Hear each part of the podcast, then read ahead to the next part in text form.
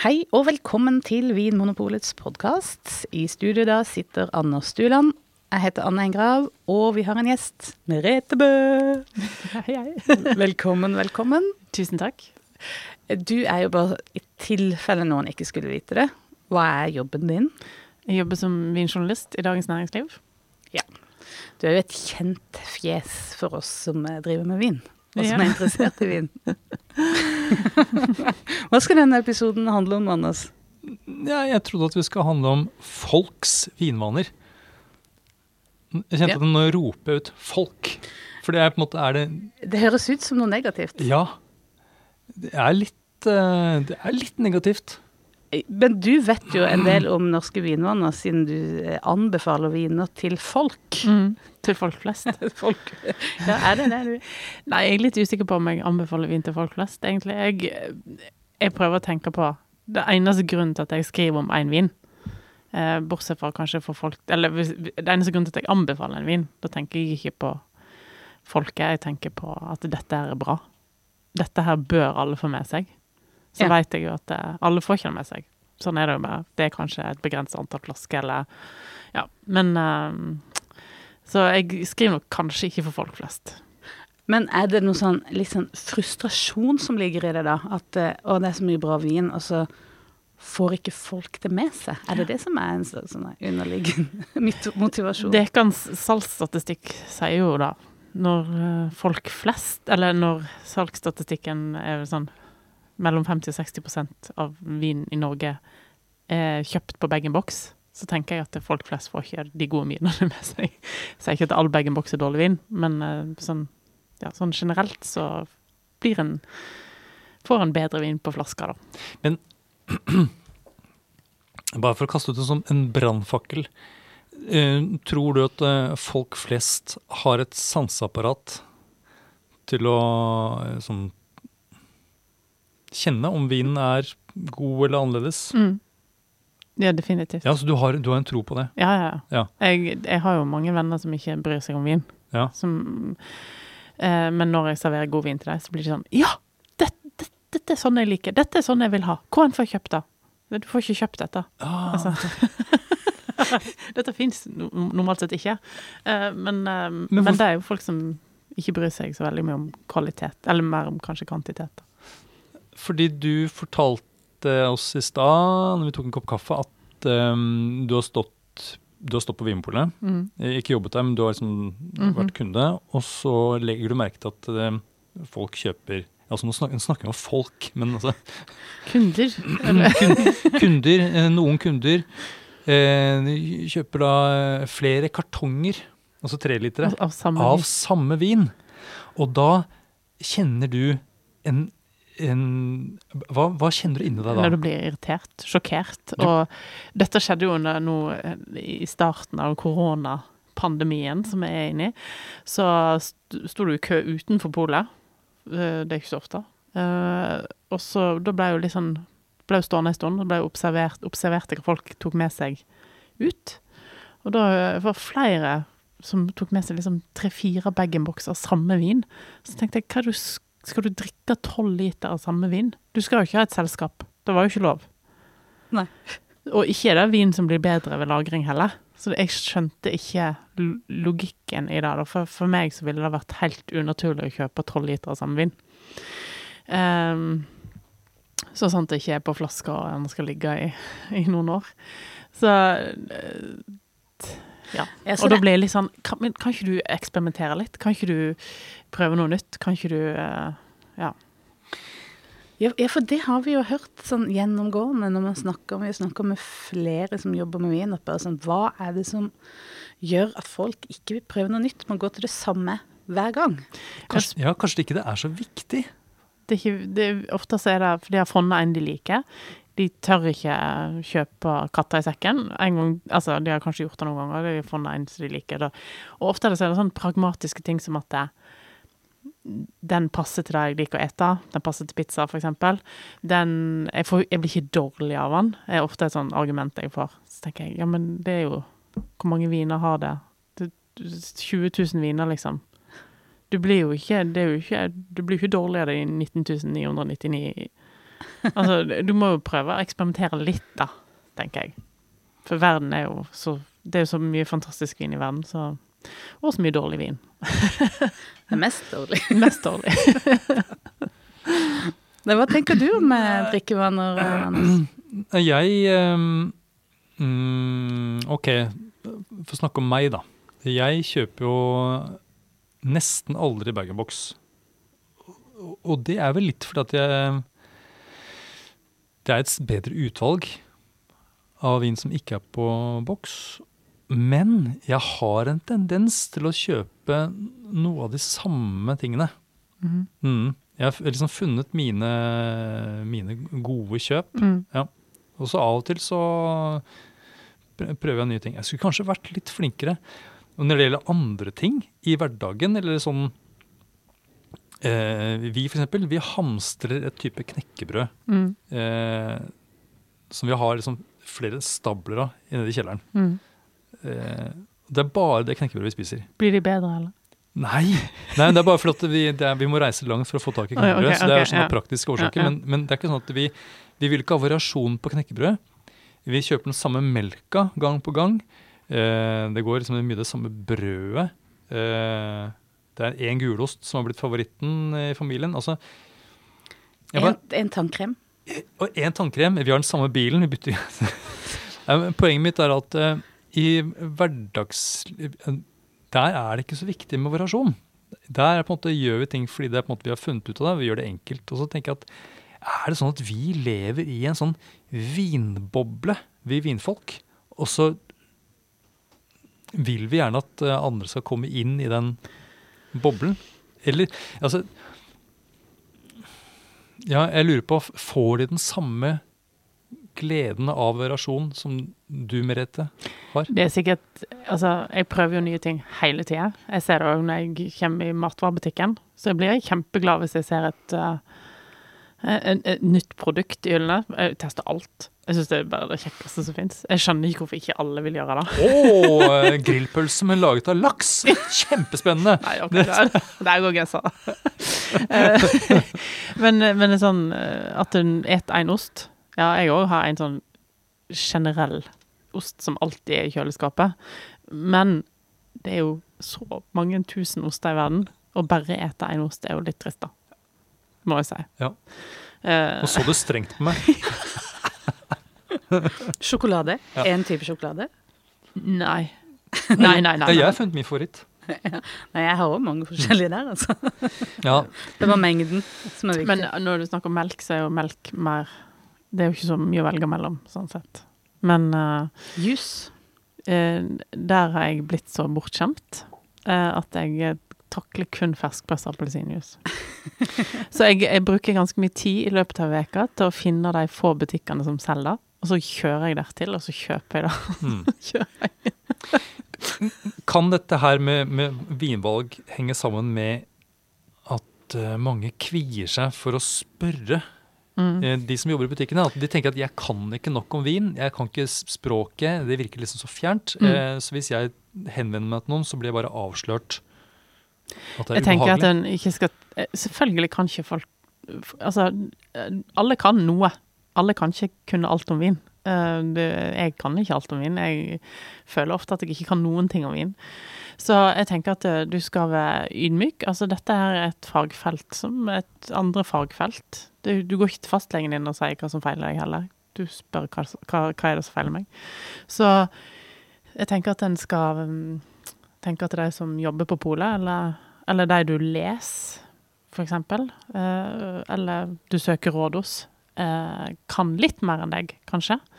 Eh, og at det da kan hjelpe deg til å prøve noe nytt, som kan bli en ny favoritt. For det var jo en gang du kjøpte den favorittvinen din for første gang òg. Det er sant. Det er et godt poeng. Det er sant.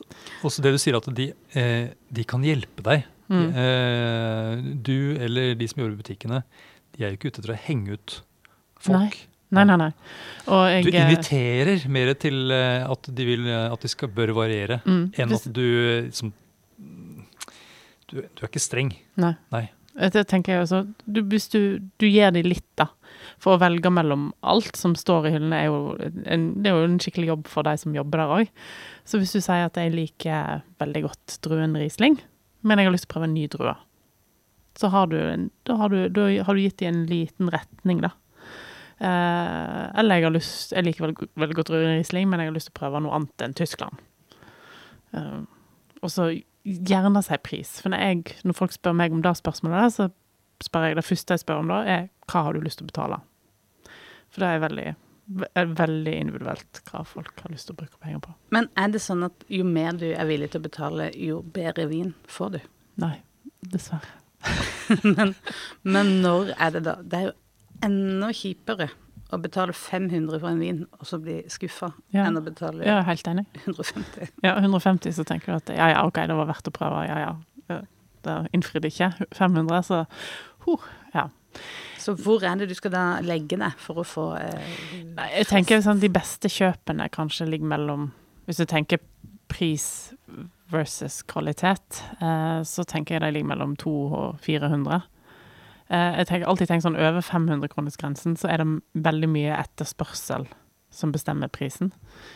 Eh, eller at det begrenser antall flasker og sånn. Under 500 kroner, så, så er det liksom mer Da er det mer variasjon i kvaliteten. Mm. Og kan vi være litt sånn flåsete og si det at eh, Jeg kaster ut at billig vin, altså la oss sånn 100-120 kroner, Mm. der er det mindre variasjon. Mm. Der må man liksom man må lage vin på en litt effektiv måte. Eh, så det gir Det på en måte det preger vinen på, ofte på samme måte, litt sånn uansett hvor vinen kommer fra. Ja, altså når en vin koster 120 kroner på polet, så koster jo ikke den så mye innkjøp eh, til Norge. Fordi at det veldig mye av den Jeg pleier alltid å si at den dyreste vinen du kan kjøpe i Norge, er den billigste. Fordi at det der går mesteparten til i alkoholavgift. Um, mens på grunn av at uh, alkoholen din kanskje er den samme i den til 120 som i den til 220. Så den ekstra hundrelappen du da putter i vinen, kan gå direkte på at bonden har hatt mer å, å jobbe med når det gjelder å lage en kvalitativt bedre vin. Da. Mm. Så Og det er jo hyggelig ting i Norge, på en måte at billigvin billig vin er egentlig ikke noe særlig billig, mens dyrvin er forholdsvis et bedre kjøp, da, hvis en sammenligner seg med europeiske land. Hmm. Jeg har tatt en titt på bestselgerlista Mhm. siste halvår. Eh, og eh, da er det jo det er noen typer vin som, eh, som kommer på topp, da. Det ene er Prosecco, Mm. Og så er det italiensk, sånn søritaliensk rødvin Mm. med litt uh, sukker. Mhm. Det, som har litt sånn preg av sånn tørket uh, frukt. Mm. Um, hvis du skulle liksom gitt noen sånn type råd om uh, vin, eller sånn annen vin, men som de som liker Prosecco eller sånn uh, søritaliensk rødvin med sukker, eh, hvor skal de på en måte hvor skal de se en for å finne eh, litt variasjon, men samtidig ikke ende opp med noe som er helt, eh, liksom, helt på andre siden? Altså, det, det har jo en viss fellesnevner, både Prosecco og italiensk rødvin med litt sukker.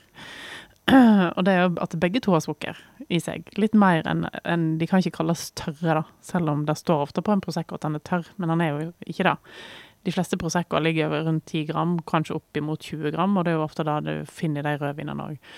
Og når jeg tenker at det, det er jo typisk for Prosecco, det er sånn Prosecco er laga, men når du må tilsette såpass mye sukker til en rødvin, så blir jeg litt eh, Da blir journalisten i meg litt kritisk, fordi at det, hvis du skulle lage en tomatsaus av dårlige tomater, og hvis du putter ei skje sukker oppi, så blir jo tomatsausen faktisk ganske OK. Eh, hvis du har dårlige druer og putter litt sukker oppi Nå snakker jeg ikke om ren psykrose, men nå snakker om i form av fruktose og innkokt druesaft og sånn, så, så blir det plutselig ganske ja, lettdrikkelig, i hvert fall. Og for folk som kanskje syns at uh, vin kan være litt sånn problematisk, så For vin er jo noe du naturlig nok ikke liker, for det har syre. Som er tøft i munnen. Det har ofte bitterstoff, som er enda tøffere. Og det har tanniner, som tørker ut munnen. Det er jo ikke, det er jo ikke sånn at du er født til å like vin. Det er jo noe du blir litt opptrent til. Mm, litt sånn som med kaffe. Ja, så derfor så er jo disse tingene her gjør jo ting at vin er lettere å like, vin er lettere å drikke. Eh, men så tenker jeg liksom at eh, ja, jo eldre vi blir, og du skal jo være voksen før du drikker alkohol, så har han jo har jo galen lyst til å utfolde seg litt. Og hvis en tenker vin og mat i kombinasjon, som jeg veldig, nesten alltid gjør, så tenker jeg at det, hvis det er litt sånn den der sukkeret i vin, gjør, det blir ikke lettere sammen med mat, liksom. Så jeg har jo lyst til at folk skal bevege seg litt utenfor komfortsonen der. Så du har egentlig lyst til at de skal prøve noe som ikke ligner så mye Nei. på det de allerede Altså, eh, jeg har alltid Prosecco er et sånn morsomt, morsomt opplegg, fordi at det, nesten all Proseccoen koster basically det samme. Det er snakk om ti kroner forskjell, ikke sant. Men folk velger av gammel vane, og velger ikke de beste. Til tross for at prisen er ikke betydningsfull, altså det er snakk om kroner. Eh, Så akkurat på Prosecco så er det vanskelig å velge et annet område, fordi at jeg kan si at jeg ville kanskje kjøpt kremant fra, fra Burgund eller fra Jura eller sånn, men det ligner jo ikke på Prosecco. Nei. Det er jo en tørrere, litt sånn kraftigere musserende vin. Prosecco er liksom perlende lett, ukomplisert. Men det finnes dårlig og god Prosecco. Mm. Så jeg ville nok kanskje eksperimentert litt innenfor Prosecco-området. Eh, for der får du masse som både tilsvarer kanskje prisen du har lyst til å betale, og karakteren. Gleradruen, som er veldig sånn pæreaktig eh, aroma og ja. Ja, for de er jo litt sånn rett fram i frukta. Litt sånn pære, pæredrops, Ja. og ikke så mye mer enn det. Nei. Men så, men så finnes det jo gode varianter av glærer, gode varianter av Prosecco, og så finnes det dårlige. Så jeg tenker at jeg ville kanskje eksperimentert litt innad der. Um, og prismessig også er det ikke så veldig mange som slår Prosecco. Ikke sant? Altså, de fleste er jo dyrere, selv om jeg syns det er kjempekult med britisk musserende vin. Så er jo kanskje Det er jo dobla prisen og mer så der, så Ja. det er jo kanskje litt dumt å ja, anbefale det. Altså, Mm. det fins jo, jo noen få musserende viner som er laget på ganske aromatiske druetyper, sånn som Riesling og Sauvignon Mm. Blanc. Blir jo brukt noe. Mm. Kunne det vært et alternativ? Kunne jo vært en eh, musserende Riesling fra Tyskland som heter Sekt. Eh, men der òg går prisen litt opp, da. Ja. Så mm, Ja, og eh, kanskje Hva med sånn petnat? Sånn petiant naturell? Mm, det, er også, Herregud. eh, det finnes jo en del naturvinsprodusenter som lager ganske sånn lette, delikate petnat. Uh, både i Nord-Italia, uh, gjerne i Østerrike og eh, Tyskland, som er et godt alternativ. Mm. Så det er kanskje det nærmeste du kommer, for det koster ikke så mye, for det er ofte litt lav i alkohol, så du får litt lavere avgifter. Altså. så koster ikke så mye mer enn Prosecco, egentlig. Ja, har sånn bruskork. En bruskork. Og så finnes det òg en Fins òg flere petnat som kommer fra eh, Veneto, eller kommer fra på, på Gleradruen, som er litt kult. Da, hvis du har lyst til å eksperimentere med Utvide horisonten. utvide horisonten Ja. når det gjelder Prosecco. Ja, det, det som heter Colfondo. Colfondo. Ja. Mm. Ja, Hva med altså- denne rødvinen, da? Det, fordi den røven jeg, eller de rødvinstypene jeg snakker om, Mm. er jo eh, viner som har en sånn fruktighet som minner om litt sånn nesten sånn syltetøyaktig frukt. Mm. eh, som gjør at man tenker at ting er litt søtt, og så er det i tillegg en del sukker. Mm. Er det noen andre rødviner som har dette fruktpreget, men som eh, ikke er søte? Eller har sukker? Det nærmeste jeg tenker, det første jeg tenker på, som er sånn innenfor det samme prissegmentet, er jo rødvin fra Portugal. Som eh, Portugal har et forholdsvis varmt klima, og eh, har rødvins, egne rødvinsdruer som, eh, som er ganske sånn rike og fruktige og sødmefulle i stilen, uten å ha så veldig mye krevende tanniner. Hvis en tenker Durodalen eller ja. Så litt rimeligere vin for Durdal, tenker jeg da får du mye vin for pengene, eh, og eh, som kan Jeg tror ikke krasjer så mye med smaksbildet, så du kan droppe litt sånn konstruerte viner, da, og heller gå for litt sånn ekte vare, Mm. håndverksvin, uten at du må kanskje bruke 10-20 kroner mer, da. Mm. Et annet alternativ også, det begynner å komme flere og flere av, eh, gode kjøp, er jo druen pinot noir fra Tyskland. Som òg ikke trenger å koste masse, men som har ganske lette tanniner. Eh, litt sånn sødmefull i frukten.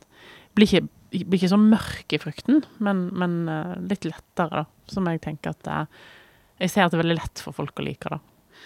Er vi nå over på en en slags kundegruppe, hvis man kan kalle det det, da, som er såpass interessert at de har fått med seg at det finnes områder som heter Burgund, som er en eh, anerkjent vinregion, og som har lyst til å kanskje drikke den stilen viner, men som ikke har den samme betalingsviljen. Mm. Kan det være Er, vil vi litt inne i det sjiktet der? Ja, jeg tenker det. Altså, det er veldig mange som eh, liker Burgund-stilen uten å, og vil bevege seg inn i Burgund, for prisen er høy.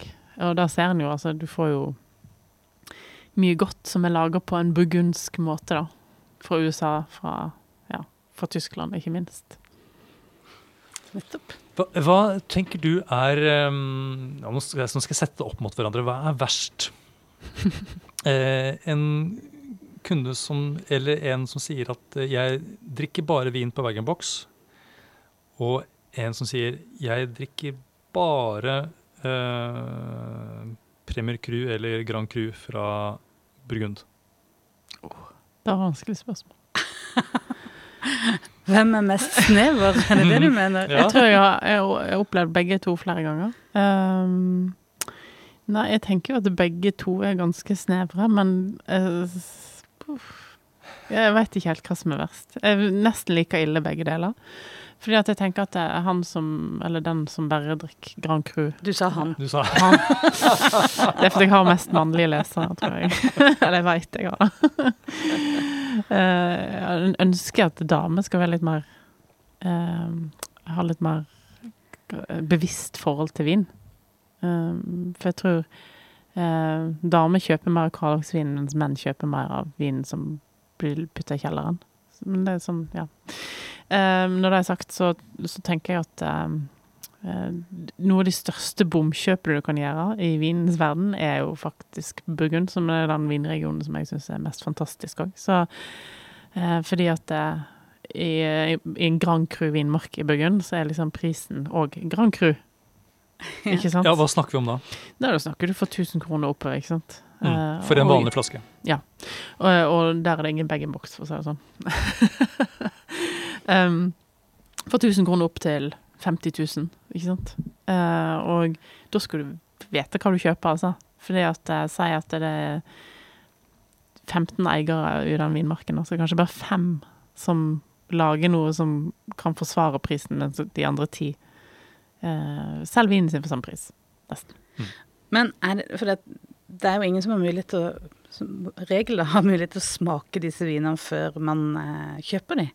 Så hva er det man skal gå etter? Er- Når det ikke er prisen, og det egentlig ikke er kryen, eh, er det bare produsent som har noe å si? Ja, du skal kjøpe vin fra Burgund. Mm. Eh, sånn generelt sett òg, vil jeg påstå, men særlig kanskje Burgund. Fordi at eh, folk blander Jeg har jobba på restaurant i mange år. Når folk kommer inn på restaurant og sier jeg drikker kun Montrachet, så tenker jeg oi, ja ja. Um, det, det, du, for det første begrenser du seg veldig, for det andre så er det veldig dyrt. Så, um, og så er det veldig mye dårlig. Montrachet. Så um, Nå banna du nettopp. sa jeg det. Nei da. Men det å si at det er mye dårlig Ja, det er jo det. Ja. Em, uh, så når du skal kjøpe vin fra Burgund Produsent, produsent, produsent. Og deretter årgang, så vinmark eller appellasjon. Så en god produsent fra en god årgang, men Bourgogne Rouge Kan- Ja, ja, ja. kan Altså slå en Grand Cru. Altså, en god produsent, jeg pleier å si, en god produsent lager god vin uansett årgang. En dårlig produsent eh, lager aldri god vin. Eh, uansett år. Mens en god årgang kan hjelpe en middelmådig produsent til å lage god vin. En vinmark, ja, kan hjelpe deg litt på vei, men du kan, hvis du er en dårlig vinprodusent, så kan du fucke opp den beste vinmarken som fins. Så eh, produsent er dessverre det viktigste. Litt sånn som beliggenhet, beliggenhet, beliggenhet Ja. i sånn i Ja. eiendomsmarkedet. Mm. Ja. Jeg må si dette har vært, vært en episode med en veldig stor variasjon. Fra, fra en Prosecco og bestselgere på papp til Grand Cru. Ja, det er helt utrolig at en klarer å putte det inn i en og samme. Ja. Ja, det er sant. Nei, men eh, da bare helt til slutt så lurer jeg på Er det, er det liksom er, Når er det man skal drikke de beste vinene? Jeg pleier Altså, jeg har, har jo litt vin i kjelleren selv, og av og til så tenker jeg at jeg kan spare meg i hæl. Eh, at, at jeg finner aldri den rette anledningen. Ja. Og så noen ganger så må du bare ta at den rette anledningen er kanskje en tirsdagskveld. Ja. Um, og så pleier jeg over til, og hvis det for eksempel sommerferie, ikke sant, skal på Stølen, som er det kjekkeste jeg vet, der det ikke er noe strøm eller wifi eller noen ting som helst, og ta med seg kanskje den beste vinen i kjelleren, eller potensielt den beste vinen i kjelleren, med seg på Stølen, så blir han faktisk stort sett litt bedre. ja. For det er ikke bare vinen som skaper de beste øyeblikkene. Nei, det er jo òg omgivelsene er ofte med på det, i hvert fall. Ja. Flott. Tusen takk skal du ha, Merete. Takk for i dag. Takk for at du hører på Vinmonopolets podkast. Har du forslag til et tema i podkasten? Send mail til podkast at vinmonopolet.no. I tillegg svarer kundesenteret deg på e-post, chat og telefon.